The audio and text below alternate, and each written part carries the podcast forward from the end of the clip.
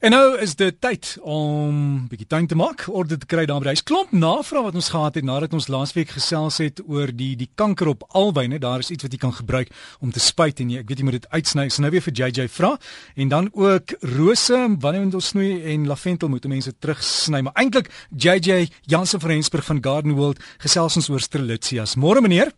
Môre môre Dirk, hoe gaan dit vandag? Uh koeler ag hier in Gauteng. Ek sien die son is uitgestrand, was lekker volmaan, uh maar ek ek dink dit is tyd om tuin te maak, né? Ja nee, definitief. Weet jy, is eintlik so 'n lekker tyd van die jaar. Ek weet dit is lekker koud, maar as jy nou regtig 'n verskoning soek om buite te kom en in die son te wees, dis nou jou verskoning. Nou kan jy iets in die tuin doen. En jy het net gepraat oor lavendels. Wanneer sny mense hulle terug? Onthou jy kan jou lavendels deur die jaar terugsny. Hulle blom so twee keer 'n jaar regtig in oorvloed en dan net nadat hulle geblom het, kan jy hulle terugsny, maar onthou hulle is nie altyd baie vinnig om terug te kom nie. So ons beveel eintlik altyd mense aan om dit so in Oktober maand se kant te doen en dan weer in Maart, April. So dit hang alles af watter tyd van die jaar jy dit gaan wil doen. So Oktober, Maart, April, dis die twee beter tye om dit te doen. Dan het jy ook 'n vraag gehad oor rose, wanneer die rose teruggesny moet word. En ek gaan so 'n bietjie ek gaan sê wag so 'n bietjie met die rose, hm. want onthou jy wil nie nou al enige nuwe groei op jou plante hê nie. So sodra jy jou plante gaan terugsny, gaan daar verskriklik baie energie in die plante wees en gaan hulle die energie ergens wil uitstoot. So hulle gaan nuwe groei wil uitstoot.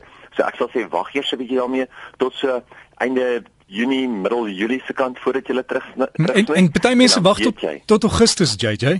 Jy kan selfs tot Augustus wag. Hoe langer jy wag eintlik hoe beter. Mhm. Mm hoe langer jy wag hoe beter. So definitief as jy dit vinnig wil doen, einde einde um Junie, middel Julie, andersins wag tot Augustus. Baie mense sê, maar ons gaan nou weggaan vir vir Junie, vir Julie en Augustus.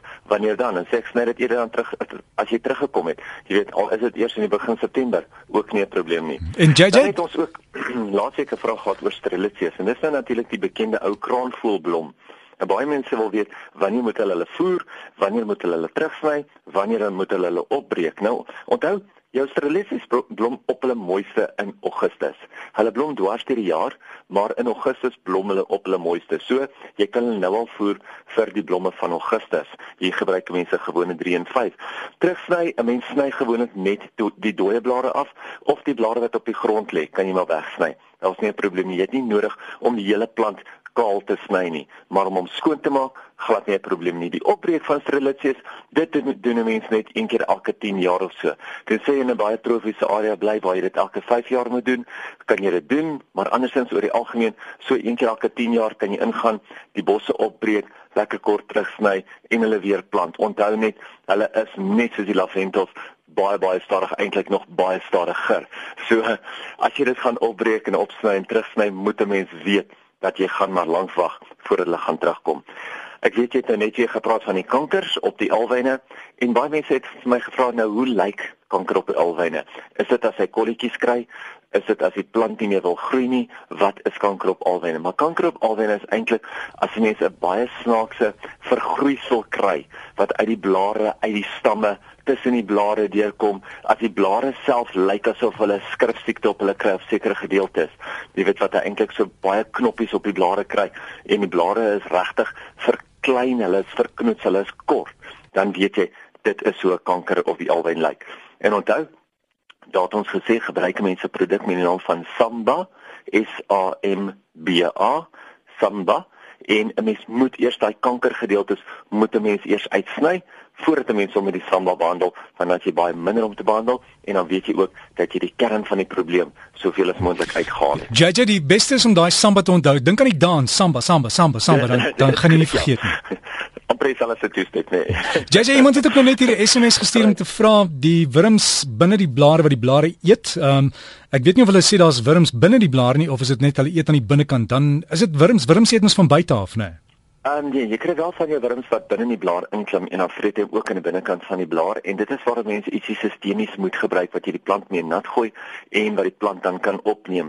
In die ou dae het ons altyd daai insek korrels gekry en dit is nog steeds een van die ou bekendes wat mense daar kan gebruik. Maar as 'n mens die meer uh die nuwe tegnologie wil gebruik, dan gebruik mense eerder ietsie soos Complete of Koinor complete of Kuinor en dit meng mens met water. Jy gooi dit die die plant daarmee nat.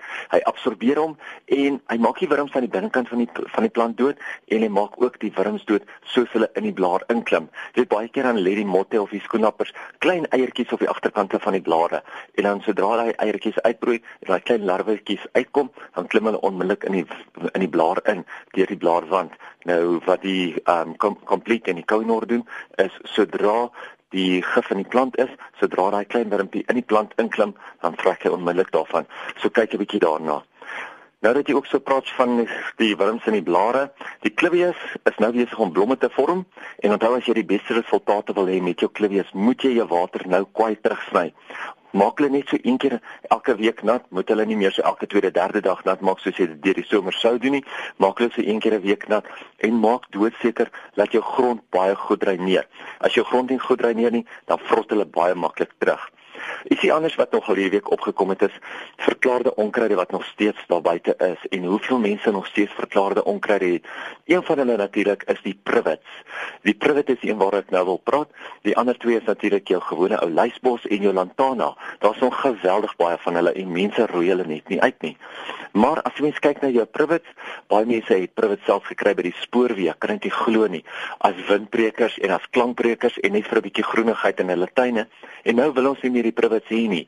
Nou die enigste manier om regtig van hom ontslae te raak, jy kan nie net gif langs die plant gaan ingooi nie, is om fisies die plant af te kap en dan die gif binne in die stam te gooi. Want dan jy gebruik ons ietsie soos Garlon en jy meng jou Garlon met diesel, Garlon 4 en jy meng dit met diesel. Daar waar jy 'n boom afgesaag het of afgekap het, maak hom lekker rof daarbo, grof laat hy baie krap sou weer en dan gooi gooi daai Garlon met die diesel mengsel bo op hom uit. Die laaste enetjie is mense wat nou nie kyk na hulle na hulle produkte buite in die tuin nie en hierso praat ek nou van hulle fonteine en hulle tuinslange hierdie tyd van die jaar.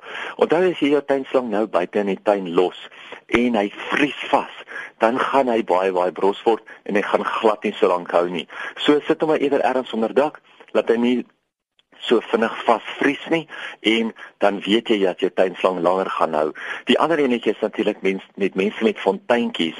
Baie mense het nou klein fonteintjies en hardloop by fontein buite en so as dit nou koud word in die aand, vries daai water eintlik teen die fontein vas en die pomp loop eintlik droog want daar is nie meer water wat teruggaan in die bak nie. So as jy 'n klein fonteintjie skakel hom eerder af en maak seker dat jy hom weer aanskakel deur die dag as daar wel genoeg water vir hom is. JJ, dankie en mense wat jy wil kontak, jy's nog op jou pos, né? Nee? Mense is welkom om my te kontak by JJ by Gardenwold, dis JJ by Gardenwold.co.za. Ek was hierdie laaste week was ek die hele week by 'n werk gewees by 'n buitenlandskapering, so ek het nie baie vrae kon antwoord nie, maar hulle is welkom om vir my vrae te stuur. Sodra ek daarby kom, kan ek hulle antwoord. Sê JJ Jans van Rensburg van Garden World, jy kan ook inligting kry by hulle webtuiste gardenworld.co.za en Garden World Nursery as jy hulle gaan soek op Facebook. Maak hulle net 'n vriend en dan kan jy al die inligting daar gaan kry. Dit is altyd lekker om tuin te maak. Hoop jou tuin is groen.